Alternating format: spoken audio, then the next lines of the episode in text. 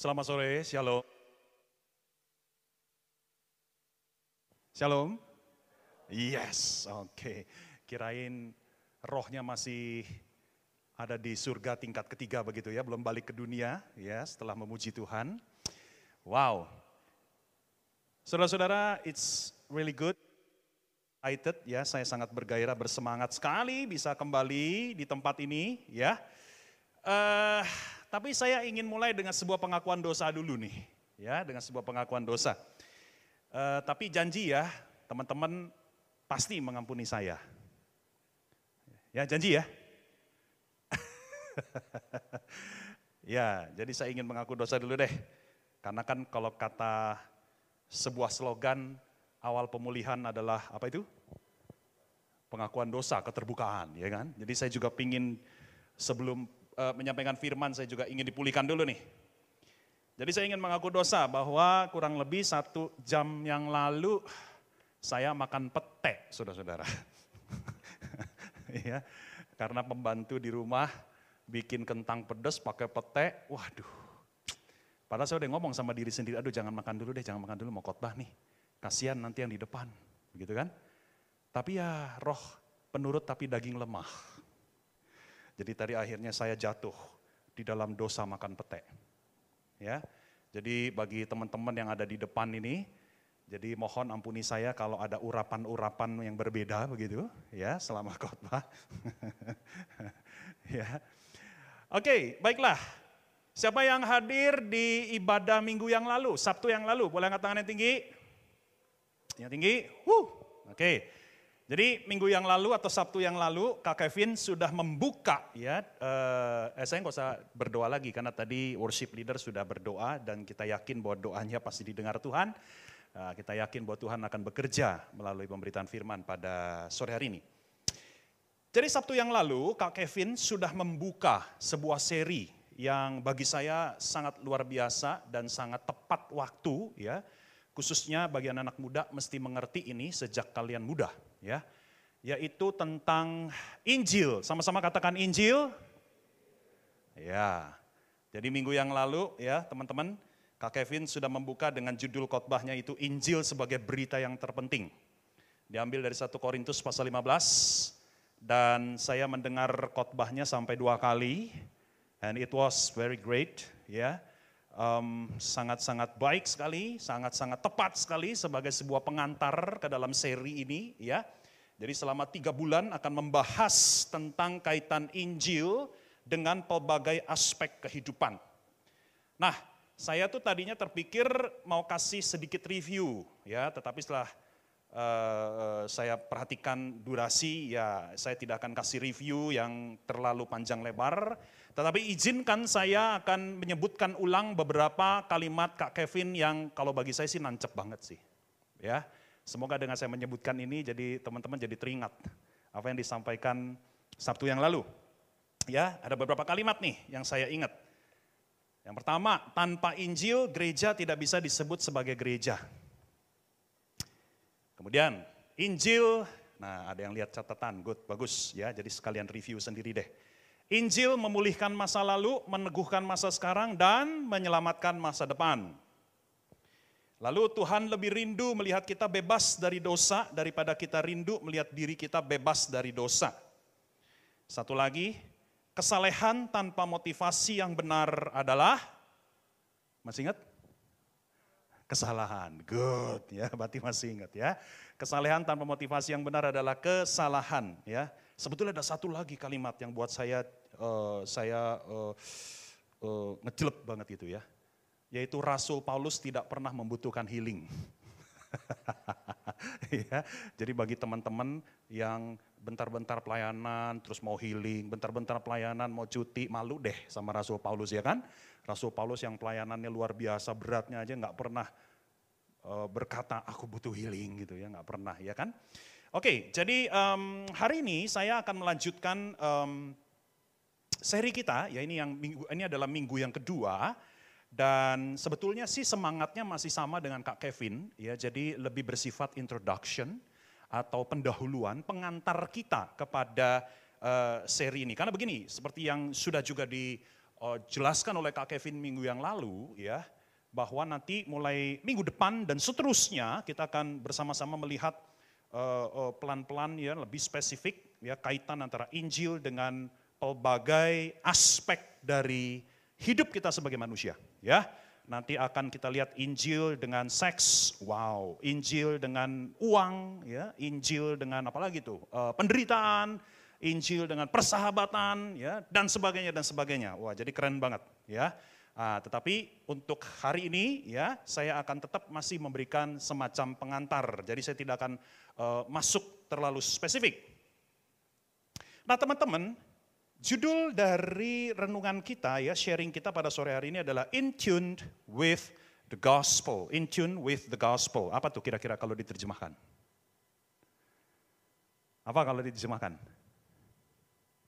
Hah? In tune itu artinya apa ya? Apa Ian? Senada, good. Ya, good. Senada atau selaras gitu ya. Senada selaras dengan apa? Gospel apa? Injil ya senada menjadi selaras ya menjadi apa itu harmonis selangkah ya dengan sejalan dengan Injil begitu ya. Jadi inilah yang akan sama-sama kita renungkan. Nah mari kita buka lebih dahulu ada di depan ya satu ayat aja sih sebetulnya yaitu dari Filipi pasal 1 ayat yang ke-27. Ini receivernya di mana ya? Di situ ya, betul. Oke. Uh, Filipi pasal 1 ayat 27. Saya akan bacakan bahasa Indonesianya terlebih dahulu. Hanya hendaklah hidupmu berpadanan dengan Injil Kristus. Saya undang kita sekalian baca sekali lagi, tetapi ganti kata mu di situ dengan nama sendiri. Ya, jadi hanya hendaklah hidup Jimmy berpadanan dengan Injil Kristus. Yuk, siap? Tiga, dengan sungguh-sungguh ya, dengan suara lantang. Tiga, dua, satu.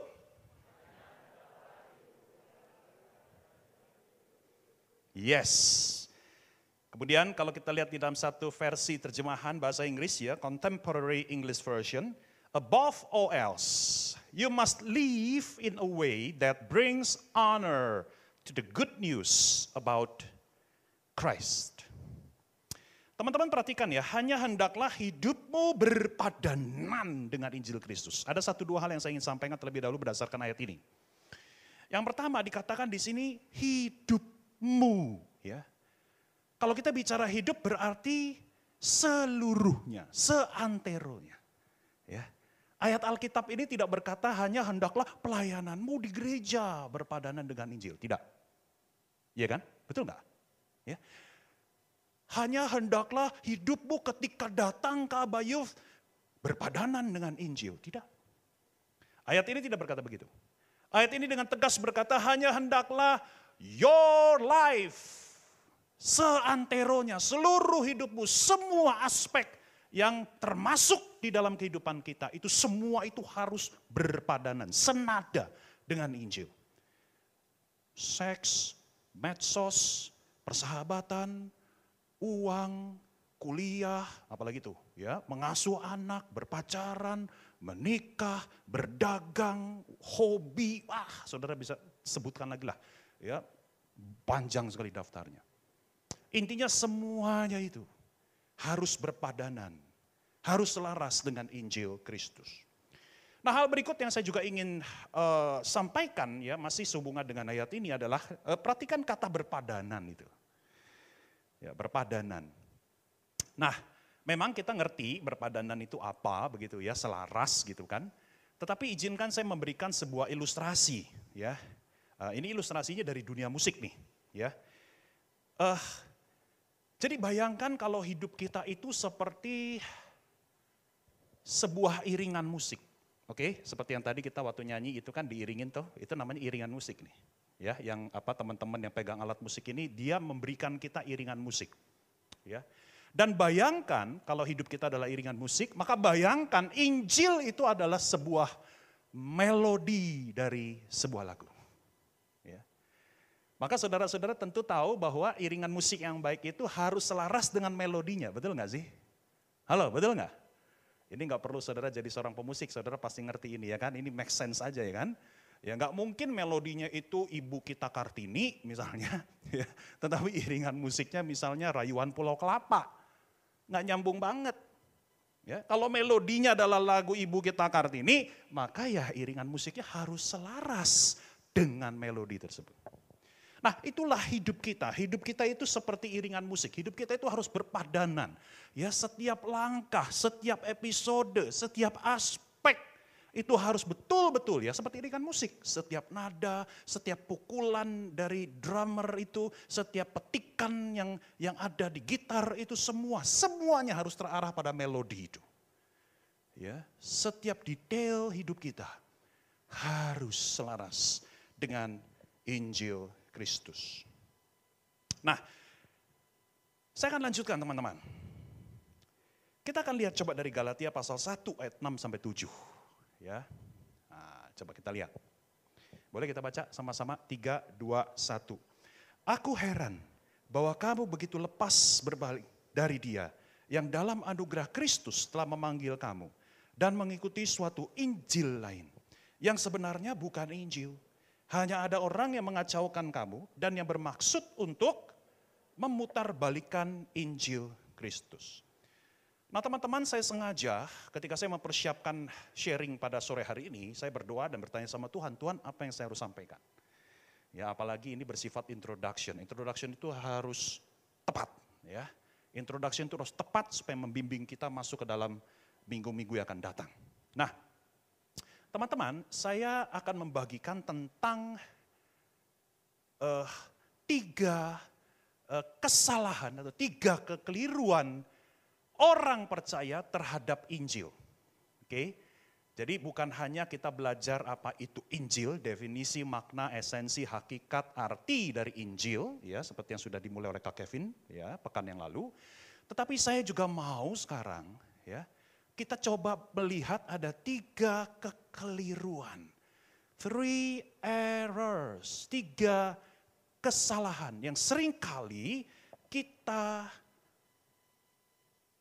anut di dalam kepala kita terhadap Injil itu. Ya. Nah saya pakai istilahnya itu virus. Ya. Jadi ada tiga virus. Ya. Kenapa saya pakai istilah virus? Selain memang lagi populer kan ini lagi pandemi masih ya, ya kan?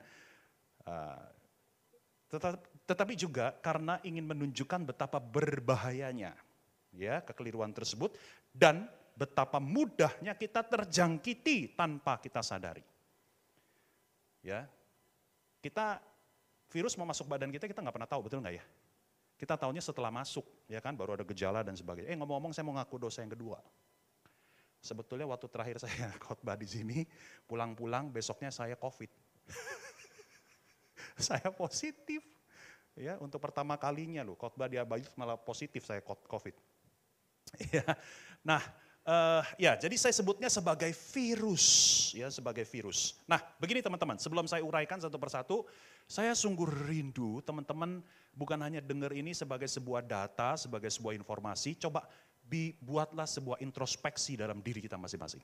Ya, jadi ketika saya uraikan ini, jadikan ini seperti cermin, ya kita mengacak begitu, ya kita refleksikan diri kita, ya karena begini, jangan-jangan kita tanpa sadar selama ini kita sudah punya virus ini dalam kepala kita. Oke, ada tiga virus nih. Dan celakanya bisa saja seseorang punya lebih dari satu virus dalam dirinya. ya.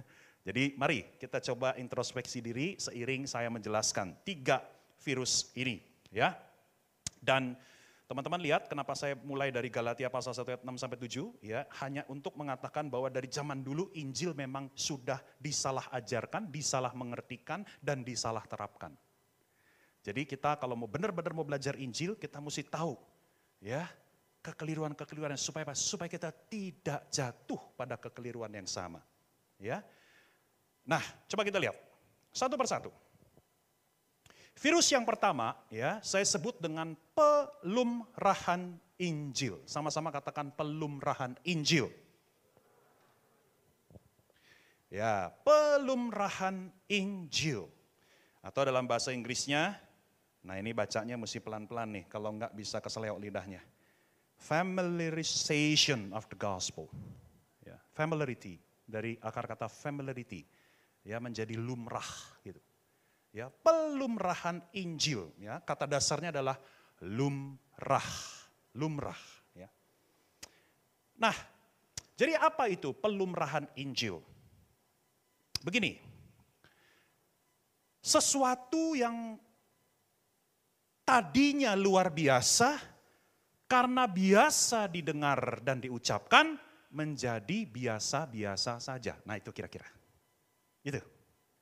Ya, saya ulangi. Ini ini baru definisi umumnya ya. Nanti saya baru kaitkan dengan Injil. Sesuatu yang sebenarnya luar biasa, tetapi karena sering diucapkan, ya, biasa diucapkan, biasa didengarkan, biasa dibaca, maka menjadi biasa-biasa saja. Ya, nah ini yang disebut dengan familiarization. Nah kita kaitkan dengan Injil. Injil juga begitu. Kita tahu bahwa Injil itu sesuatu yang istimewa. Surat Roma mengatakan bahwa Injil itu adalah kekuatan Allah. The power of God.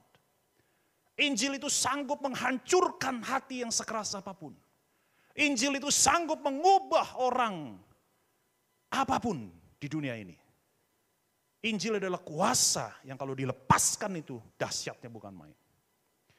Tetapi sayangnya, karena kita sebagai orang Kristen, ya, kita sering mengucapkan, kita sering membaca, kita sering mendengar, ya mungkin bukan kata Injil saja deh, ya, tetapi saudara sering mendengar kata apa itu salib Kristus, ya, oh, Yesus mati bagiku, ya, itu kan semua hakikat Injil tuh ya. Kita sering mengatakan itu, kita sering menyanyikan itu bahkan di gereja.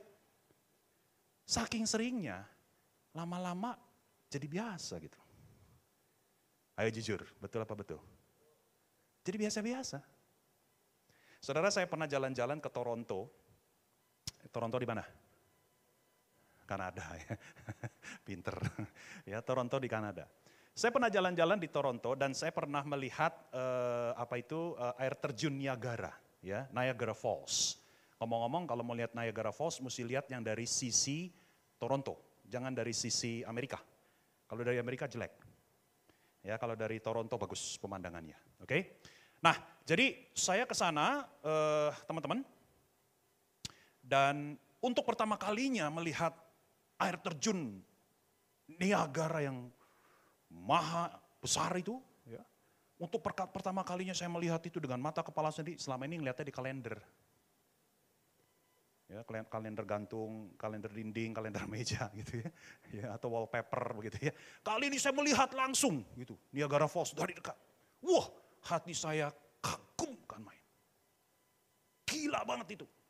Ya, itu air berapa juta debitnya itu tiap detik itu turun. Ya megah sekali, besar sekali. Ya. Wah, saya kagum bukan main. Nah, setelah beberapa belas menit ya saya mengagumi uh, pemandangan yang luar biasa itu, saya mau kembali ke hotel. Ketika saya jalan balik ke hotel, saya menjumpai seorang pedagang popcorn, ya. Pedagang popcorn yang persis dia berjualan, ya itu dia punya kiosnya itu ya. Itu benar-benar uh, latar belakangnya itu itu Niagara Falls itu. ya, air terjun Niagara itu. Lalu saya iseng, saya beli popcorn gitu ya, sambil menunggu dia menyiapkan popcorn, saya nanya dia. Wah, kamu beruntung ya tiap hari melihat Niagara Falls, saya bilang begitu. Ya, karena kamu berdagang di sini. Saya aja sebagai turis yang sekali ngeliat aja udah begitu kagum, apalagi kamu yang tiap hari melihat Niagara Falls, saya bilang begitu sama dia. Saudara tahu jawaban dia? Bikin saya kaget. Dia bilang, oh ya, saya sih biasa-biasa aja. Katanya begitu saudara. Ya, Iya, terus saya tanya, emang udah lama, udah berapa lama berdagang di sini? Oh, udah 19 tahun. Jadi 19 tahun tiap hari, bayangin ya, 19 kali 365 hari. tiap hari dia ngeliatin tuh Niagara Falls, sampai akhirnya dia merasa biasa-biasa aja gitu. Yang salah bukan Niagara Falls-nya. Niagara Falls-nya tetap dahsyat dan luar biasa, betul? Tetapi hati dia yang pelan-pelan menjadi tumpul.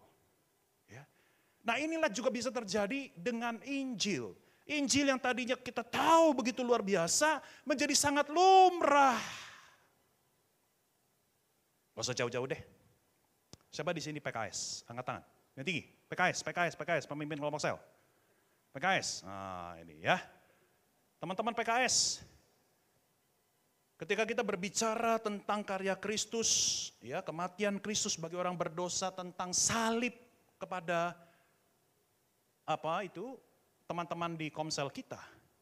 Masihkah kita sebagai PKS punya semacam keyakinan? What I just said is powerful. Apa yang kukatakan itu benar-benar powerful. Worship leader, ya, singer, worship leader, Ketika kita menyanyikan dari platform ini lagu-lagu yang berbicara tentang Injil, tentang Christ has died for us. Ya, tentang pengorbanan Kristus dan sebagainya. Para WL masih nggak punya keyakinan apa yang kunyanyikan ini very powerful. It's like we just release something powerful to the people. Masih nggak punya keyakinan itu? Saya sebagai pengkhotbah saya juga sering tanya diri sendiri. Ketika saya khotbah tentang Injil, saya masih punya keyakinan enggak bahwa Injil yang kuberitakan ini powerful. Bahwa Tuhan akan bekerja di dalam hati anak-anak muda di tempat ini. Akan meluluhkan, melumerkan hatimu. Karena yang kuberitakan bukan pemikiran manusia tetapi Injil Kristus. Amin. Nah kalau kita udah gak ada lagi keyakinan itu, malah tergantikan dengan keraguan. Nah itu kita sudah jatuh dalam virus pelumrahan Injil. Yang kedua, kita lihat. Yang kedua adalah pendangkalan Injil. Sama-sama katakan pendangkalan Injil. Atau bahasa Inggrisnya reduction of the gospel. Ya, reduction of the gospel. Kita suka reduction kalau harga barang ya. Iya kan? Atau istilah lainnya diskon. Kita suka diskon bukan? Ya kan? Tapi bilang kiri, bilang kanan. Jangan sekali-kali kamu diskon Injil. Coba bilang kiri kanan. Ya. Harga barang boleh diskon. Kita senang kalau ada diskon. Tapi Injil, no, no, no, no, no, no. Jangan pernah kita diskon. Gak boleh kita kurangi. Gak boleh kita dangkalkan. Ya. Nah apa maksudnya pendangkalan Injil? Yaitu ketika kita menganggap Injil hanya diperlukan pada fase awal kerohanian. Sebenarnya ini sudah disampaikan oleh Kak Kevin, tapi izinkan saya mengulangi, ya, karena ini penting. Banyak orang Kristen, ya, menganggap bahwa Injil itu hanya dibutuhkan saat pertama kali saya menjadi orang Kristen. Injil itu hanya dibutuhkan ketika saya pertama kali lahir baru. Makanya ada istilah penginjilan, betul nggak? Pernah dengar istilah penginjilan? Nah sebetulnya kalau saya boleh kritik istilah itu, Istilah itu sebenarnya misleading. Kenapa saya bilang misleading? Karena biasanya penginjilan itu kan memang kaitannya itu adalah kita mengabarkan Injil bagi mereka yang belum percaya. Betul nggak? Betul nggak? Ya kan? Setelah kita kabarkan Injil dia jadi percaya ya udah berarti dia nggak butuh penginjilan. Gitu maksudnya. Sehingga seolah-olah ya penginjilan itu hanya untuk mereka yang belum percaya. Kalau sudah jadi percaya nggak perlu lagi penginjilan. Lambat laun kita juga mulai menganggap gak perlu lagi Injil. Nah ini celaka. Kita sering menganggap bahwa Injil itu hanya anak tangga pertama dari kehidupan orang percaya itu. Ya. Jadi saya ini tadinya tidak percaya Tuhan, oke? Okay? Saya di luar Kristus. Ya. Lalu saya percaya Tuhan. Nah, kita menganggap Injil itu anak tangga pertama aja. Nah, ini Injil. Tapi setelah itu kita bertumbuh, kita berjalan seiring waktu, Injilnya kita lupakan. Seolah-olah begitu. Seolah-olah aku nggak butuh Injil lagi. Injil itu hanya anak tangga pertama. Bilang kiri, bilang kanan. Itu salah banget. Ya. Injil sesungguhnya adalah the whole stairs. Seluruh anak tangga yang kita butuhkan sepanjang perjalanan iman kita sebagai anak Tuhan sampai nafas terakhir. Amin? Oke? Jadi Injil bukan hanya anak tangga pertama. Timothy Keller pernah mengatakan begini. Ngomong-ngomong, khotbah ini juga saya anggap sebagai tribute to him. Ya, karena Timothy Keller adalah adalah salah satu pengkhotbah penulis yang sangat membentuk diri saya, ya. Dia baru meninggal 19 Mei yang lalu, dia pernah mengatakan begini, Injil bukan sekedar kita perlukan untuk masuk kerajaan Allah. Tetapi untuk kita hidup sebagai warga kerajaan Allah. Keren ya. Kalau nggak ngerti nanti tanya PKS-nya ya. Sekali lagi saya ulangi. Ya. Injil tidak hanya kita perlukan untuk masuk kerajaan Allah, ya. Gospel is not only the entrance to the kingdom of God, tetapi Injil dibutuhkan untuk kita hidup sebagai warga kerajaan Allah. Itu kira-kira. Oke. Yang ketiga kita lihat. Oke. Virus yang ketiga adalah penyimpangan Injil. Sama-sama katakan penyimpangan Injil. Atau perversion of the gospel. Nah apa artinya? Teman-teman, virus yang ketiga ini yang paling berbahaya. Virus pertama dan virus kedua, dua-duanya sama-sama kita harus waspadai. Dua-duanya sama-sama serius. Tetapi yang ketiga ini saya harus katakan ini paling berbahaya. You must be extra aware Jangan sampai teman-teman terjangkiti virus yang ketiga ini. Apa itu penyimpangan Injil? Yaitu ketika kita mengacaukan makna Injil dan respons terhadap Injil. Jadi di kepala kita itu kusut. Di kepala kita, kita tidak bisa membedakan dengan clear mana yang bagian Tuhan, mana yang bagian kita. Makna Injil itu adalah artinya what God has done. Apa yang Tuhan sudah lakukan itu. Sedangkan respons kita terhadap Injil itu ada our obedience, ketaatan kita. Nah, di dalam virus yang ketiga ini kita kacau. Urutannya pun kita kebalik.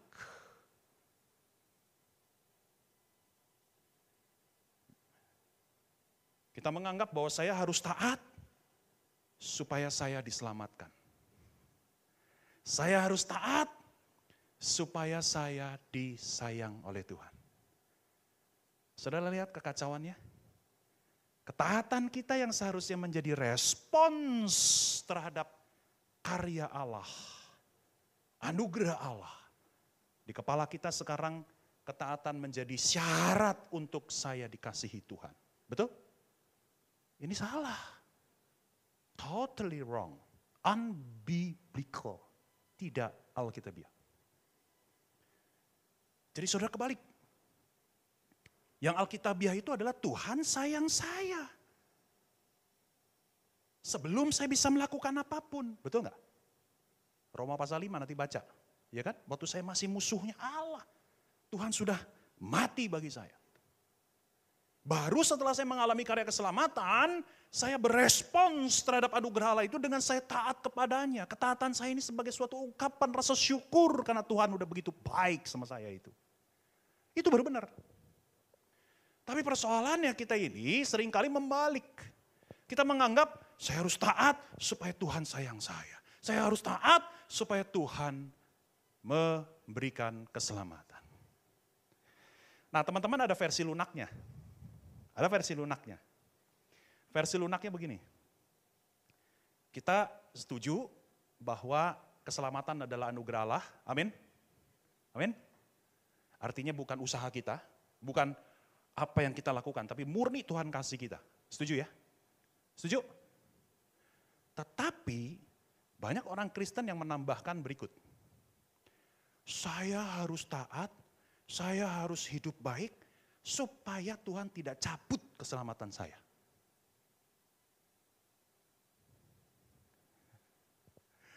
Coba saya mau tanya, kalau Tuhan kasih kita keselamatan itu anugerah, lalu kita harus pertahankan itu dengan usaha kita, maka keselamatannya masih tetap anugerah nggak? Coba jawab. Enggak jadi anugerah, betul nggak?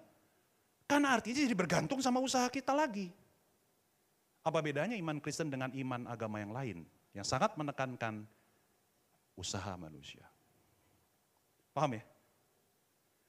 Saudara-saudara hati-hati loh, virus ketiga ini banyak variannya. Ibarat virus COVID banyak mutasinya. Tapi esensinya sama. Kita memutarbalikkan, kita mengacaukan apa yang Tuhan sudah lakukan dan apa yang harus saya lakukan. Teman-teman, Philip Yancey pernah mengatakan begini. Tidak ada satu hal yang kita lakukan dapat menambahkan atau mengurangi kasih Allah kepada kita. Amin. Saya ulangi ya, tidak ada satu hal yang kita lakukan dapat mengurangi atau menambahkan kasih Allah kepada kita. artinya kasih Allah sudah sem sempurna. Jadi kalau saudara sore ini, saudara menemukan dirimu, engkau masih mengatakan hal yang seperti itu, ya, kalau aku nggak taat Tuhan nanti akan kurang sayang sama aku. Saudara sebenarnya sudah terjangkiti virus ketiga ini, walaupun versinya yang lunak. Tuhan itu sempurna mengasihi kita, amin. Whatever you do, Tuhan gak akan kurang sayang sama kita. Dan Tuhan juga gak akan nambah sayang sama kita. He loves you perfectly. Karena dia mengasihimu dengan sempurna, itu sebabnya ketika engkau berbuat dosa, itu akan sangat mendukakan hatinya. Make sense? Make sense? Ketika kita sayang sama seseorang, ketika kita begitu sayang sama seseorang, kalau orang itu melakukan kesalahan, pasti akan lebih mendukakan hati kita. Betul nggak? Kecuali lu cuek sama orang itu. Mau terjun jurang juga gua gak peduli. Iya kan? Tapi kalau lu sayang seseorang, orang itu melakukan hal yang salah, kita pasti akan terluka, kita pasti akan sedih. Tuhan begitu. Dia tidak akan berkurang cintanya, tetapi dia bisa berduka kalau kita melakukan hal-hal yang berdosa. Oke, nah sekedar refreshing saja ya. Jadi itu tiga virus ya. Sekedar refreshing. Jadi apa itu Injil? Injil bukan Matius, Markus, Lukas, Yohanes ya. Itu kitab Injil ya kan. Tapi apa itu Injil? Injil adalah, ini kurang lebih definisi yang saya coba rangkum dari pembacaan dan perenungan saya. Injil adalah berita baik tentang anugerah penebusan dan pemulihan dari Allah melalui Yesus Kristus bagi manusia berdosa dan seluruh dunia ciptaan lainnya. Memang ini panjang tetapi tangkap aja foto kalau perlu ya, saudara bawa pulang, saudara renungan lagi ya. Injil adalah berita baik, good news, gospel. Gospel itu dari bahasa Inggris kuno, good spell. Ya, spell itu artinya words. Ya, kalau dalam bahasa Inggris modern jadi good news. Berita baik. Dan dari bahasa Yunaninya evangelion. Eu itu artinya baik, good. Angelos itu artinya berita atau pembawa berita. Makanya angel itu dari kata angelos, pembawa berita. Saudara perhatikan teman-teman, Injil adalah berita baik. Good news bukan good advice. Beda. Kalau agama-agama lain di dunia ini itu hanya memberikan good advice. Nasihat, petunjuk, instruksi yang harus kita lakukan. Jadi penekanannya di usaha kita gitu. Ya. Tetapi Injil berbeda. Injil itu good news. Kenapa disebut berita baik? Karena something has been done by God. Sesuatu sudah terjadi, digenapi, dilakukan oleh Allah for our goodness untuk kebaikan kita. That's why we call it good news. Amin. Amin. Itu sama kayak begini loh. Kalau saya bilang sama saudara ya, hey Jason mau punya uang satu miliar nggak? Oh boleh dong om, gimana caranya? Ini saya kasih saudara, eh, kasih kamu eh, instruksinya. Nih satu sampai sepuluh saya kasih tau langkah-langkahnya. Itu namanya good advice, betul nggak? Tapi kalau saya bilang begini sama Jason, Jason gue kasih lu satu miliar sekarang ya, kasih gue nomor rekeningnya. That is good news. Ngerti maksudnya? Because something has been done by someone else for his own goodness. Itulah Injil. Tuhan sudah melakukan terlebih dahulu sesuatu yang kita nggak bisa lakukan sebetulnya itu menyelamatkan diri sendiri. Tetapi Tuhan sudah lakukan di dalam Kristus. Amin. Yes. Dan teman-teman perhatikan ya dari, dari definisi tadi, saya tidak punya banyak waktu untuk mengupas definisi ini, tetapi saya cuma mau meng-highlight satu aja. Coba lihat, uh, uh, uh, tampilkan lagi slide-nya. ya. Coba teman-teman perhatikan. Melalui Yesus Kristus bagi manusia berdosa, tidak titik di situ. Tetapi ada kelanjutannya, apa kelanjutannya? Dan seluruh dunia ciptaan lainnya.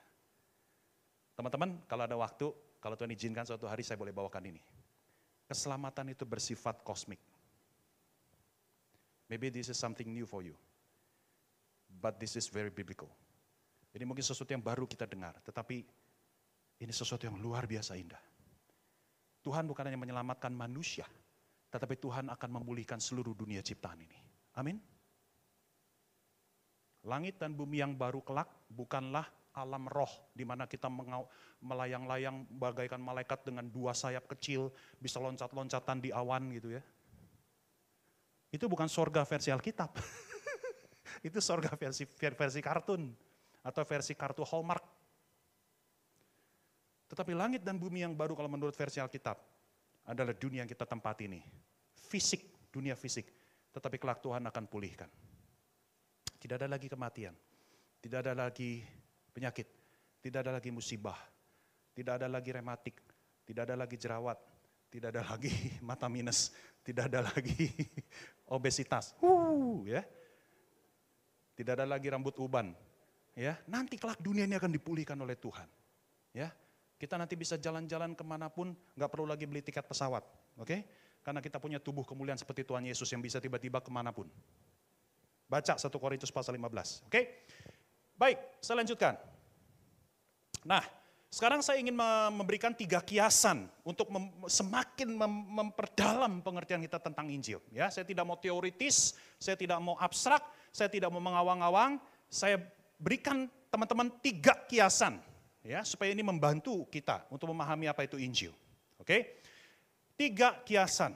Yang pertama, Injil adalah landasan yang kokoh untuk membangun jati diri dalam Tuhan. Sama-sama katakan landasan. Ya, landasan itu bicara tentang fondasinya itu. Kalau kita mau bangun rumah, fondasi itu maha penting. Oke, walaupun nggak kelihatan.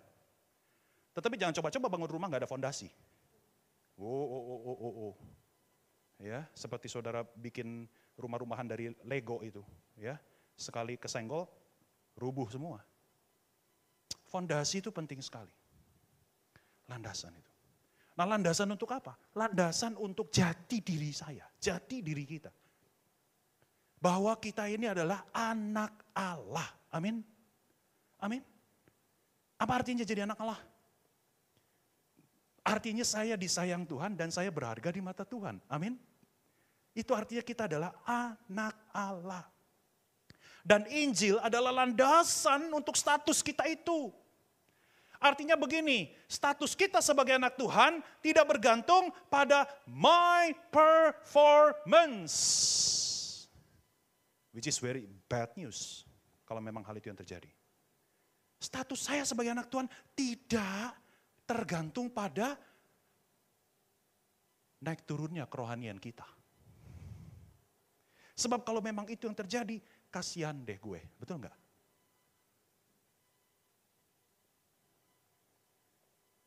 Teman-teman status kita sebagai anak Tuhan berpijak pada karya Kristus yang sempurna. Yang kata Roma 8 ayat 38 sampai 39 tidak ada satu hal di dunia yang dapat memisahkan saya dari kasih Allah di dalam Kristus. Wow. Saudara ketika Tuhan Yesus mengembuskan nafas terakhir di atas kayu salib.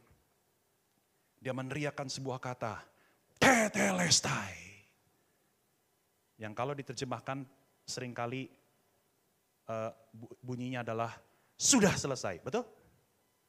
Tetapi sebetulnya itu pada zaman itu kata tetelestai itu adalah sebuah istilah yang sering kali dipakai dalam hutang piutang.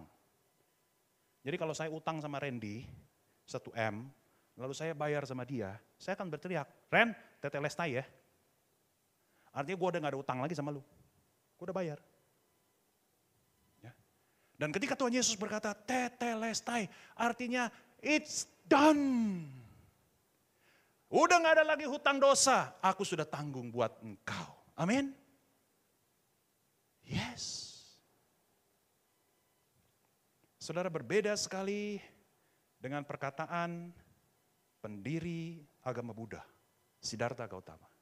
Saudara tahu Saudara tahu nggak apa kalimat terakhir yang diucapkan oleh Siddhartha Gautama sebelum beliau meninggal? Keep striving. Tetaplah berusaha. Teman-teman beda dengan Tuhan Yesus. No, no, no, no. You cannot keep striving because you cannot achieve whatever your salvation is. Kau tidak bisa mengupayakan keselamatanmu, kata Tuhan Yesus. Aku sudah menuntaskannya bagimu. Tetelestai. It's done for you. That is the gospel. Amin? Ya. Nah, yang kedua, kita lihat. Injil adalah lensa yang jernih untuk memahami segala sesuatu. Teman-teman, saya ini minus 7 dan minus 6, ada silinder juga. Jadi kalau saya saya copotin kacamata kayak begini, saya cuma lihat kayak gumpalan-gumpalan daging. Beneran, nggak ada tekstur wajahnya, saudara lagi ngeledekin saya, ya juga saya nggak tahu. Tapi karena ada lensa membuat saya clear. Melihat seorang keponakan saya yang ganteng, wah ya kan. Melihat teman-teman yang cantik dan sebagainya, jadi clear. Demikian juga dengan Injil. Injil itu menjadi lensa untuk membuat kita memahami segala aspek dalam hidup kita menjadi lebih jernih. Nah ini akan menjadi proyek ke depan dalam uh, dua bulan setengah ke depan ya Bagaimana Injil menjadi lensa untuk melihat tentang seks, bagaimana Injil menjadi lensa untuk melihat tentang persahabatan, bagaimana Injil uh, menjadi lensa untuk kita melihat tentang uang, ya, dan sebagainya. Oke, saya tidak akan nyolong start, saya tidak akan mendahului para pengkhotbah, tetapi izin saya memberi dua contoh kecil aja. Ya, misalnya tentang rasisme deh. Saudara-saudara tahu nggak bagaimana kita melihat tentang rasisme? Ya, Contohnya ada ketika Rasul Paulus menegur Petrus.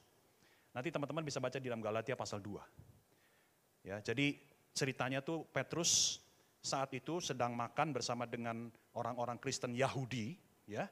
Tiba-tiba datanglah orang Kristen non-Yahudi. Oke. Nah, sedikit kasih konteks. Jadi pada waktu itu, pada zaman itu, ya, masih terjadi semacam apa itu? prasangka antara orang Kristen Yahudi terhadap orang Kristen non-Yahudi. Ya, orang Kristen Yahudi masih menganggap rendah orang Kristen non Yahudi. Oke, nah jadi ketika orang Kristen non Yahudi itu datang, si Petrus itu belaga-belaga keluar, karena dia nggak mau terlihat dekat atau menerima orang Kristen non Yahudi. Dengan perkataan lain, Petrus rasis. Petrus loh, rasul, rasis. Lalu apa yang menjadi teguran Paulus? Nanti baca sendiri dalam Galatia pasal 2. Menarik sekali. Paulus bilang begini,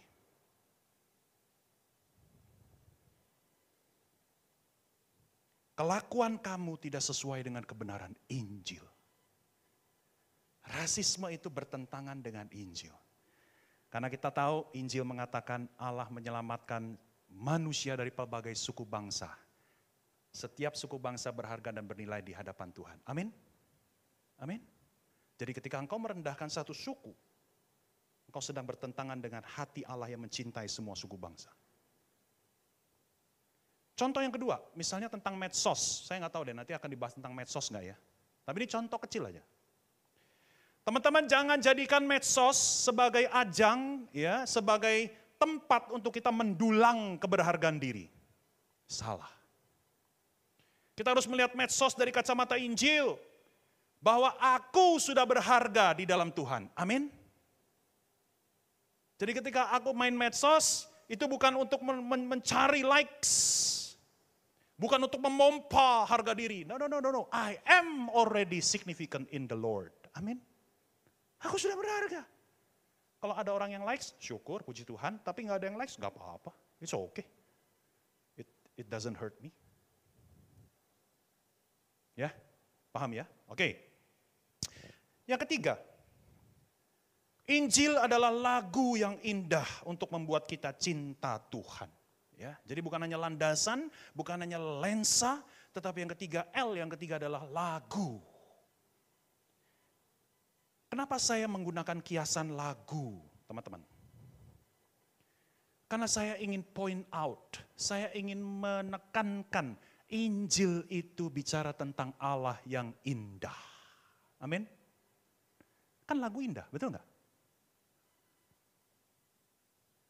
Saudara kalau teks tadi itu yang kita nyanyikan tanpa musik, tanpa melodi, nggak akan nyentuh hati kita, betul nggak? Nggak terlalu.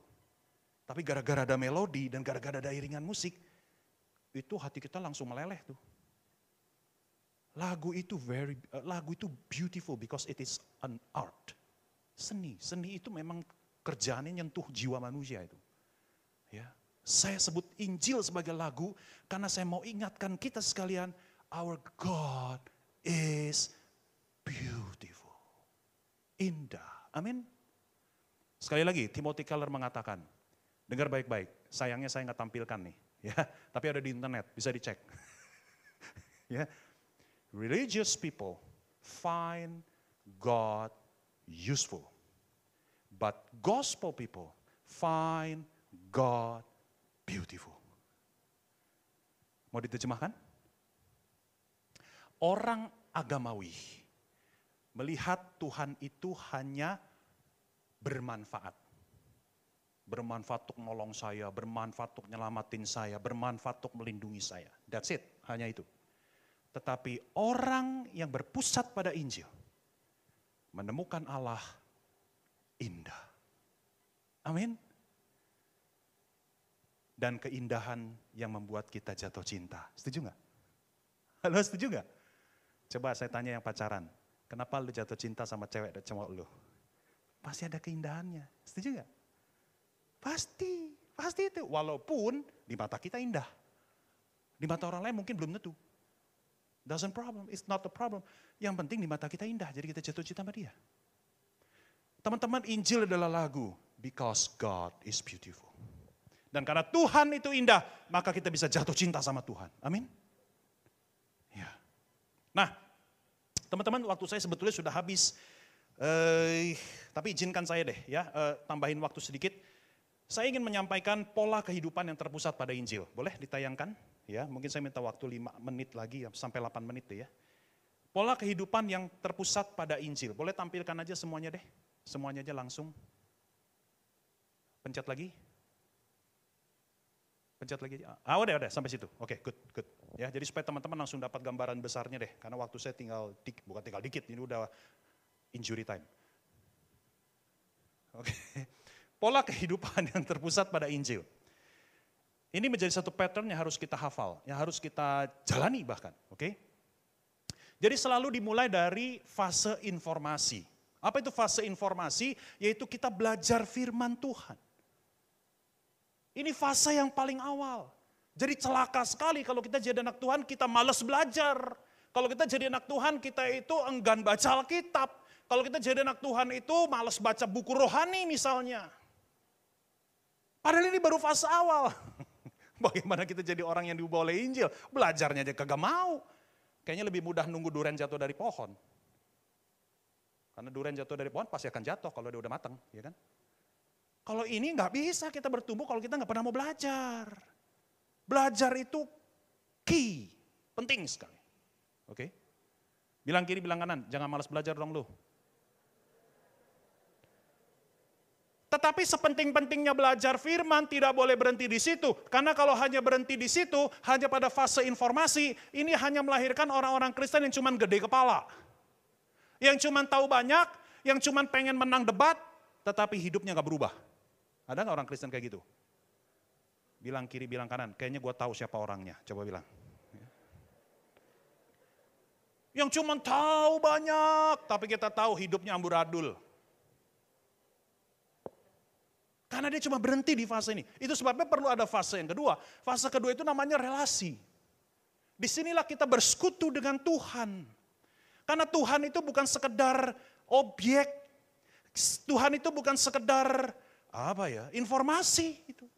Tuhan adalah pribadi yang hidup, pribadi yang ada di dalam diri kita, pribadi yang mengasihi kita, dan sebagai pribadi we can have a fellowship with Him. Kita kita bisa bersekutu dengan Dia. Amin. Amin. Dan fase yang berikutnya adalah habituasi.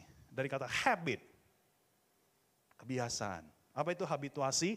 Yaitu kita menerapkan apa yang kita belajar, apa yang menjadi kehendak Tuhan, apa yang menjadi isi hati Tuhan, apa yang menjadi perintah Tuhan.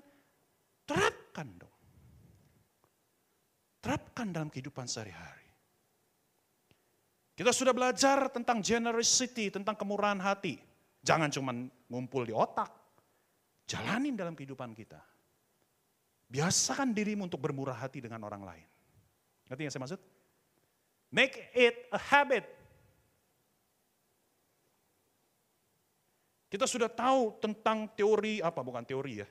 Kita sudah tahu firman Tuhan tentang Self control, pengendalian diri. Jangan cuma tahu teori dong, terapin.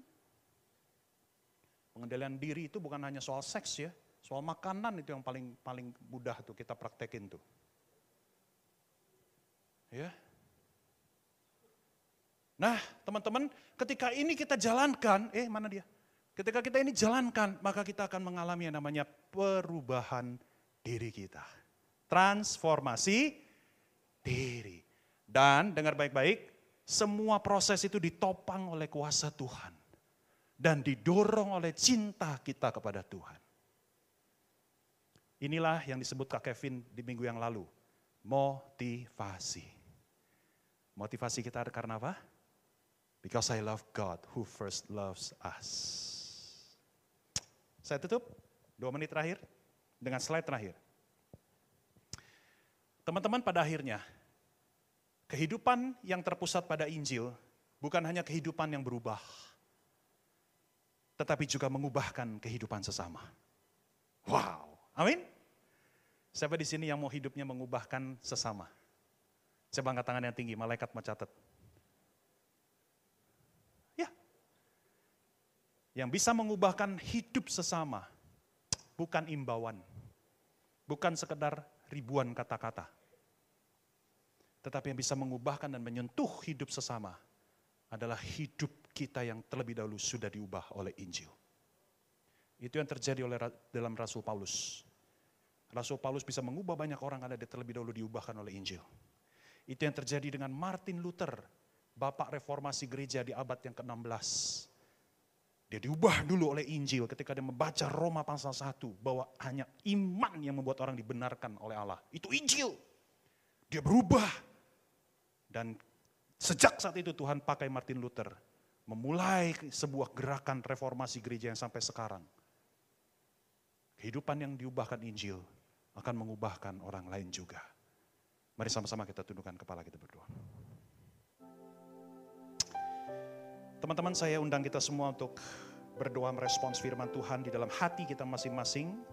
Dalam sikap berdoa, pejamkan mata, dan kita akan dilayani oleh worship leader dengan lagu yang mengingatkan kita akan karya Kristus yang sempurna itu.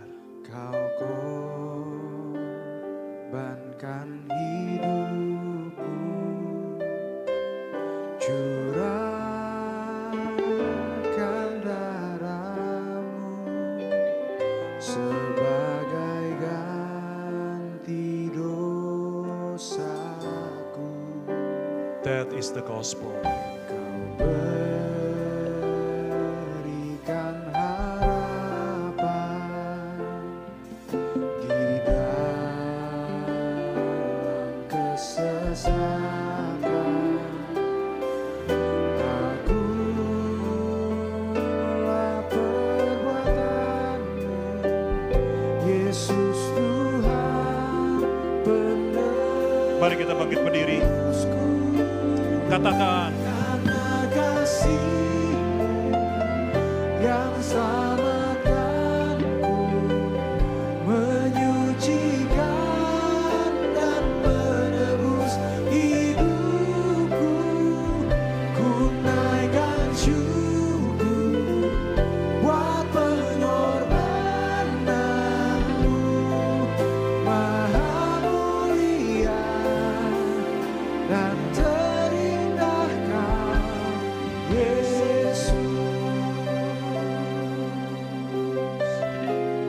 Mari sama-sama kita naikkan syukur.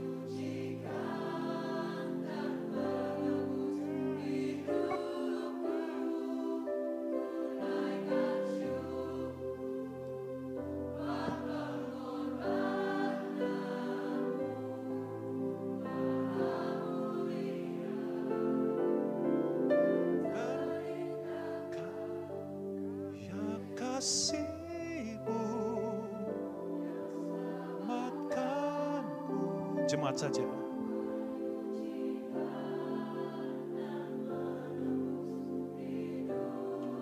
Kepada katakan kepada Tuhan yang hadir di tengah-tengah kita.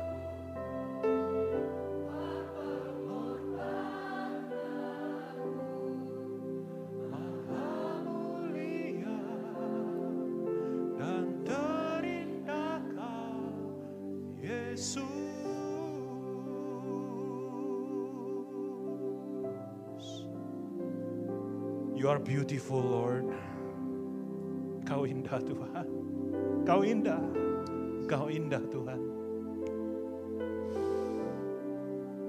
Make us fall in love with you again. Buat kami jatuh cinta lagi sama Engkau, Tuhan. Kami tidak mau hanya tahu tentang Tuhan.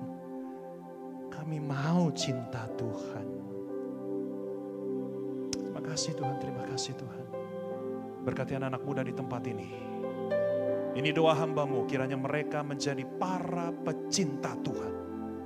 Sejak muda, cinta mereka berkobar-kobar bagi Tuhan. Terima kasih Tuhan. Hanya di nama Tuhan Yesus, Tuhan yang sudah mencintai kami habis-habisan dan tiada habisnya. Kami semua sudah berdoa sama-sama orang percaya. Katakan, amin. Puji Tuhan. Silakan duduk.